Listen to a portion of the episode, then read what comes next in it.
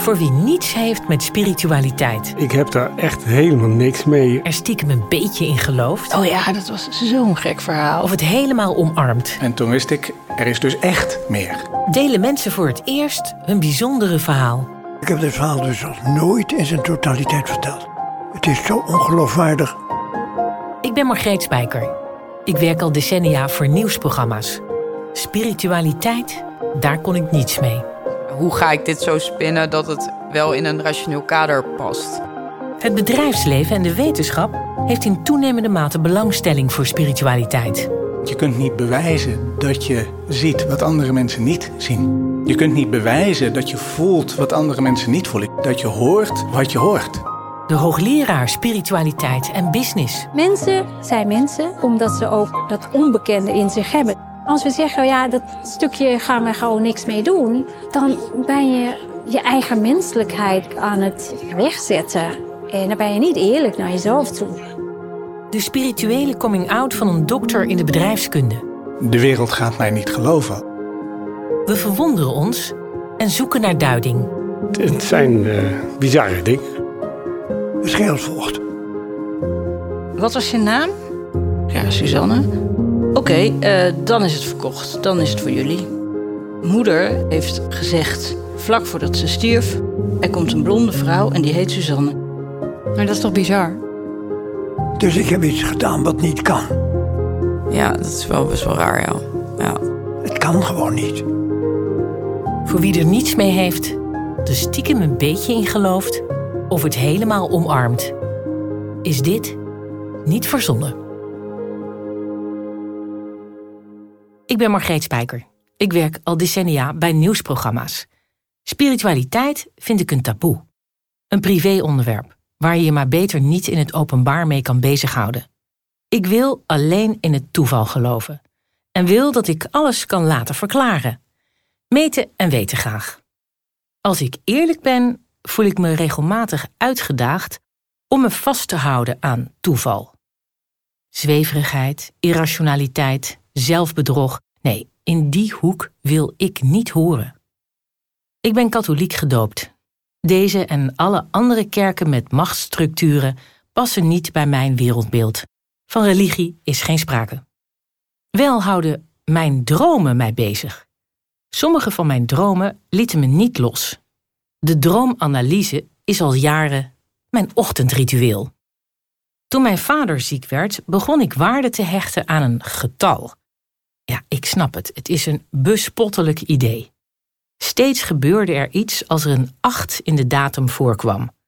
Toen hij overleed was ik 28 en hij is op de achtste overleden. Als jonge vrouw heb ik ooit geluncht met iemand die een bijna doodervaring had gehad. Hij was gegrepen door het onderzoek van de Amerikaanse wetenschapper Raymond Moody, nog voor de Nederlander Pim van Lommel hetzelfde deed. Ik weet natuurlijk niet of mensen echt even in het rijk der doden kunnen zijn. Volgens mij kan niemand dat met zekerheid zeggen. Maar wat ik er zo boeiend aan vind, is als ze vertellen dat ze hun eigen leven terugzagen vanuit het perspectief van de ander. De verbeelding van de Bijbelse tekst: Wat gij niet wilt dat u geschiet, doet dat ook een ander niet.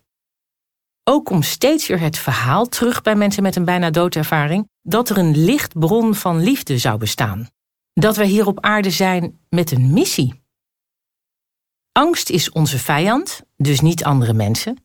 En dat we hier zouden zijn om te leren wat onvoorwaardelijke liefde is voor onszelf en de ander.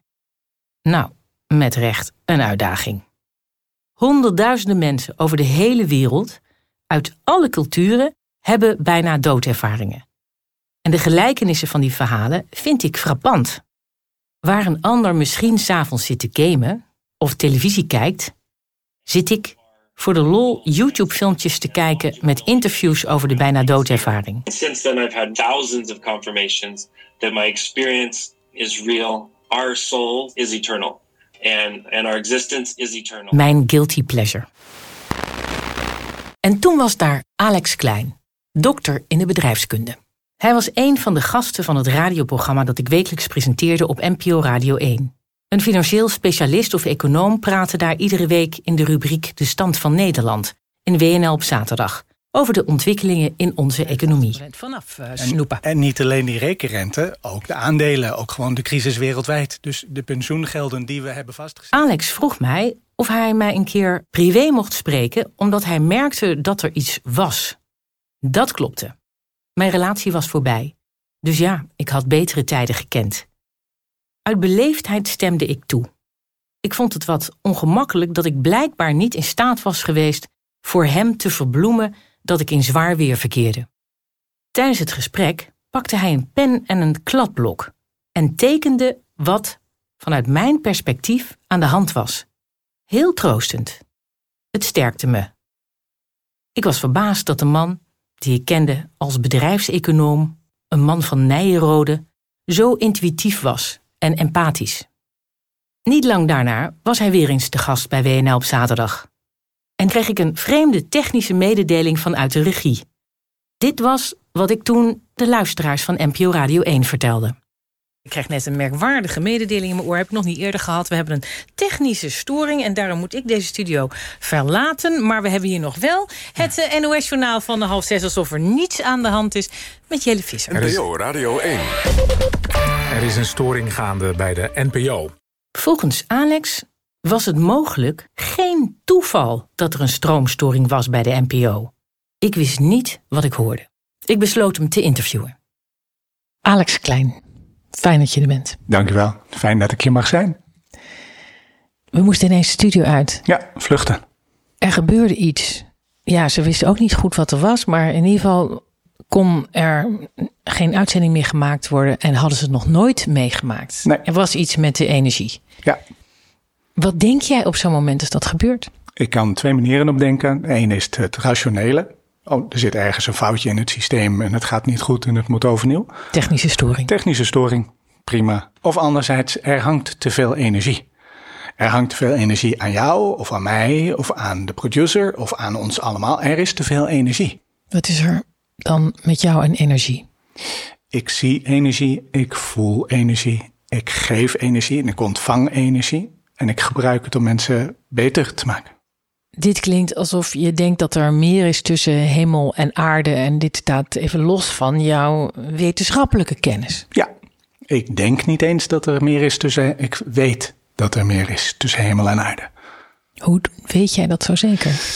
Omdat ik het zie en voel en ruik en proef en hoor en ervaar. Wanneer wist jij, ik zie dingen die anderen niet zien of ik voel dingen die anderen niet eh, voelen? Ik denk dat dat als eerste kwam, dat ik het echt zag voor mezelf, die energie ook zag. Ik denk dat ik toen twintig was. En toen begon ik geesten te zien. Personen die er dus niet zijn, maar die zag ik wel. Wat eng. In eerste instantie is dat doodeng. Letterlijk. Maar zag je al mensen echt met, met kleren aan waarvan je wist die leven niet? Of ja, dat... ja, ja. Mensen die je kende of ooit had gezien? Nee, niet. Dat is gewoon totaal onbekende. En toen wist ik, uh, dit is niet wat ik wil. Gewoon in je huis? In mijn huis, in mijn auto, op straat, op het kerkhof. Uh, als ik met mensen was, dan zag ik, in plaats van de tien mensen die op visite waren, zag ik er twaalf of veertien of honderd. Maar je, ze zagen er gewoon uit als mensen? Enkele keer. Vaak zijn het schimmen. Lichte schimmen of donkere schimmen. En dacht je niet, ik zie gewoon een schaduw? Ja, maar in een kamer waar geen licht is, staan ook geen schaduwen. En die schaduwen zouden dan los bewegen van de rest. Dat is, wanneer, dat is de eerste keer dat ik het zag. En toen wist ik, uh, oké, er is dus echt meer. Als ik in een auto reed, een concreet voorbeeld, een lezing s'avonds. Ik reed om half twaalf vanuit Zeeland terug naar het midden van het land, waar ik toen woonde. En op een gegeven moment, ik reed dus alleen, logisch. En op een gegeven moment kijk ik achter in mijn auto en daar zit iemand. Je zag een schaduw? Een mens, zoals jij mij nu ziet. Mens. Zo, zo reëel. Zo, zo reëel. En die, die zwaaide. In je auto? In mijn auto, terwijl ik 120 op de snelweg reed. Ja. En ik kijk nog een keer in de spiegel. En je dacht, die is binnen, bij een tankstation binnengestapt? Of wat, wat denk je dan? Hier klopt iets niet, denk je dan in eerste instantie. Dus je kijkt nog een keer zo van, huh?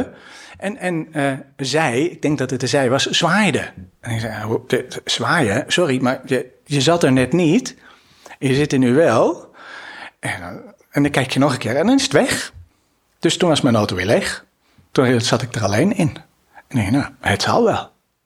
En ik rijd door en ik ga een andere snelweg op. En het tegemoetkomend uh, verkeer ligt helemaal stil. Er komt geen auto aan voor kilometers en kilometers en kilometers. En op een gegeven moment zie ik blauwe liggen.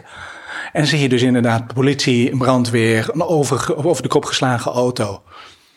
Uh, uitgebrand.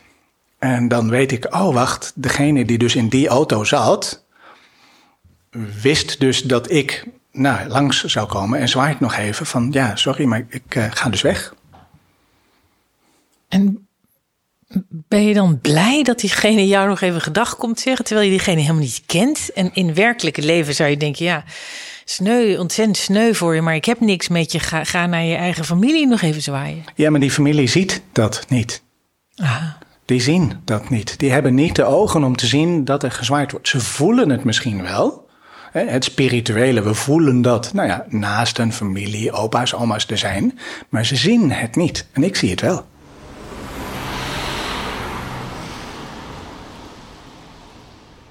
Het Gouden Hoofd in Den Haag. Dat is een heel mooi restaurant. Je kunt lekker zitten en in de winter heb je daar aan de rechterkant, als je helemaal aan de buitenkant gaat zitten, heb je een vuur, een open. En mijn vrouw en ik vinden het heel leuk om daar naartoe te gaan. En dan, dan vraagt zij mij, uh, hebben we weer bezoek? Want dan ben ik een beetje afwezig. Ik zeg, ja, we hebben weer bezoek. Maar vaak kan ik het niet goed duiden totdat ik me erop concentreer. En op de balustrade, ga maar naar het Gouden Hoofd, ga maar kijken, daar heb je echt een balustrade. Daar liep een dame, ik denk zeker 400 jaar oud. Naar haar kleding te kijken, zeker 300, 400 jaar oud. Een, een, een, een, persoon. Een hele oude dame waar je dan een beetje doorheen kijkt. Je Ja. weet dat. Dat... Ja, ik weet. Ik, En jij ziet haar. Ik zie het Maar haar. je, maar je vrouw ziet haar niet. Nee, nee, nee. Dus ik heb naar boven gekeken en ik zag dat zij naar beneden keek. En zij keek naar mij en ik keek naar haar. Eh, en ik zei, ja, ik zie jou. En ze nee, schudde ze hoofd. Ik zei, ja, ik zie jou. En toen ging ze weg. Dus ik heb een flirt gehad met een dame van misschien wel een paar honderd jaar oud. Dus dat is iemand, waarschijnlijk degene die daar nou, gewerkt heeft, gewoond heeft, maar dus niet snapt dat ze was overleden. Ik ben hier nog steeds, maar ik ben hier niet. En wie zijn jullie? Wat doen jullie in mijn, mijn café of mijn restaurant?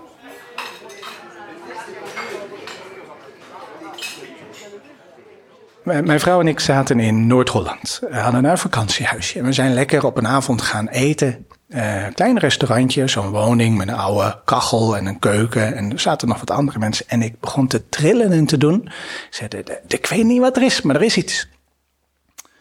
En dan meestal is dat energie van de andere mensen die ik voel. Dus dan probeer ik me af te sluiten. Maar ik had een kopje met eh, komkommersoep gekregen. En die liet ik vallen van de spanning. Nou, dat, dat- prima. En de groep die... Nee, helemaal niet prima. dat je denkt, maar wat is hier? Wh- What just happened? Eh, ik noem het gewoon klunzigheid. Ja, mijn klunzigheid. Die andere groep mensen aan tafel gingen weg en de energie bleef. En ik denk van, wat, wat is dit? Wat, wat is dit? En ik merkte dat ik werd aangetrokken door die antieke metalen kachel. Die stond eruit, want het was gewoon in de zomer. En ik ben er naartoe gewandeld onder de noemer voor nou, mensen die naar mij zouden kijken. Ik, ik vind antieke kachels heel interessant. En er stond zo'n lamp met van die bogen, met zo'n lampjes bovenop, die, die stond ernaast. En heel zachtjes heb ik die kachel aangeraakt. En die lamp begon te zwaaien van hier tot overmorgen. En mijn vrouw zat op een paar meter afstand. Ze heeft het geprobeerd te filmen. Ze zei, maar het Ze zwiepte gewoon Ze heen en zwiepte weer. gewoon heen en weer. Staande lamp. Die staande lamp zwiept, hè? Dus van die, die, die ja, vier, vijf lampen op zo'n dunne, ranke poot. Zwiepte gewoon heen en weer. En toen was de energie weg. Dus toen kon ik zonder dat ik ging morsen mijn eten afmaken. Midden in de nacht werd ik wakker gemaakt. Want eh J. Jansen bedankte voor het feit dat, wij, wij zijn, of dat ik zijn familie had geholpen. Zei, eh, moet, moet je even uitleggen. Ja, ik ben de plaatselijke slager en jij hebt mij geholpen naar de hemel te gaan. Ik- Moet je even uit, ik snap je nog steeds niet. En dan word je dus midden in de nacht wakker En gemaakt. dat is dan een stem in je hoofd die dat Dus zegt, ik, zie- ik, ik zie iets. Ik zie gewoon iemand aan mijn bedrand staan die dat vertelt. die dat zegt. En dat is niet een schim, maar echt een wezen. En dat is een wezen. Ja. Gewoon zoals ik er nu uitzie. Ja. Gewoon een mens. ja. Iets, iets doorzichtiger. Oké. ja, maar, maar wel eh, energie. En eh, ik zei, nou, heel fijn dat ik dat voor jullie heb kunnen doen. En mag ik nu alsjeblieft weer gaan slapen? en eh, dan, hij vertrok ook keurig netjes. En ik legde het volgende dag uit aan, aan, aan mijn vrouw. En zei ze, nou, dan gaan we even googelen. Gaan we eens even kijken. Ja. Wat heeft er Is nou er in dat een slager? restaurant gezeten? Dat restaurant was inderdaad een slager. Voor tien jaar geleden. En degene die daarin gezeten had, was de familie Jansen. En de voorvader van degene die erin zat, heette J. Jansen, Joop Jansen. En die zat waarschijnlijk nog vast in zijn huis. In zijn kachel. Eh, en daar was die energie dus van.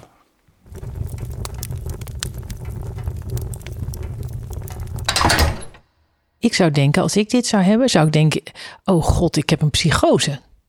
Dat eerste gedeelte, oh god, is prima. Dat tweede gedeelte hoeft dus helemaal niet.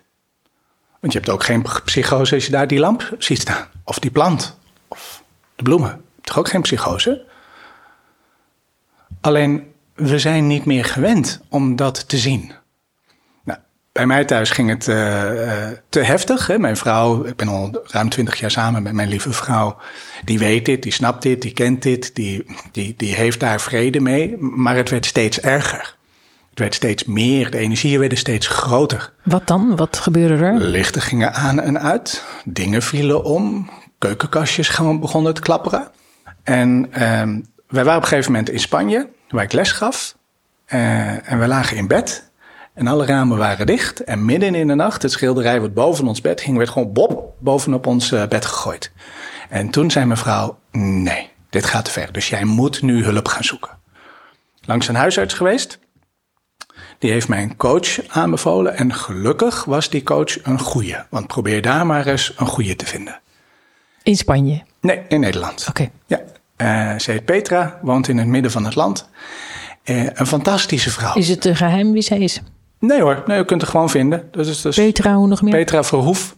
Als je naar sammacentrum.nl gaat uit mijn hoofd, eh, zul je Dan- het zeker vinden. Ja. En zij zei tegen mij: Oh, maar je hebt last van kleefgeesten. En een normaal mens heeft één of twee kleefgeesten. Dat gebeurt, daar heb je meestal geen last van. Ik had er honderden. Honderden. Toen zei ze: Ja, maar ik snap wel dat jij hier last van hebt. Want je, je, bent, nou ja, die lichtwerker. Eh, en, en ja, ze, ze komen naar jou toe met de hulpvraag: Kun jij ons alsjeblieft doorsturen naar de hemel? Nou, zij heeft me dat geleerd en nog veel meer geleerd. Eh, hoe je dus dat hele spirituele kunt interpreteren en snappen en begeleiden. Want dit was alleen het negatieve gedeelte. Hè. Dit zijn de mensen die uit angst of met angst zijn overleden. Die kwamen naar mij toe met de hulpvraag: kun je ons alsjeblieft meehelpen? Hoe moeten we de hemel vinden? Nou, dat heb ik geleerd. Wat wil je uiteindelijk dat er gebeurt met, met jouw kennis? Met jouw eh, weten zonder dat daar een bewijs voor is? Daar heb ik lang over nagedacht. Want diezelfde Petra zei op een gegeven moment, toen ze in de gaten had hoeveel energie ik kon kanaliseren, of hoe je het ook wilt noemen, zei ze: Ja, maar jij kunt alles. Jij kunt medium worden als je wilt. Jij kunt foto's gaan lezen als je wilt. Dus geef mij een foto en ik zie en ik voel wat die persoon heeft.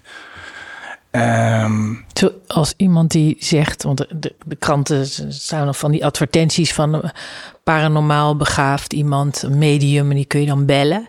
Doe je dat ook? dat wil ik niet. Nee. Want Ehm, dat gaat over mij. En ik wil niet dat het over mij gaat. Dus daar heb ik lang over nagedacht. Veel nachten over wakker gelegen. En ik heb besloten, ik wil eigenlijk alleen maar deze krachten gebruiken om andere mensen beter te laten worden. Ik wil me niet laten meeslepen door allerlei onbewijsbare verhalen. Graag sta ik met beide benen op de grond. Ik ga zoeken naar de grootste criticaster op het gebied van spiritualiteit.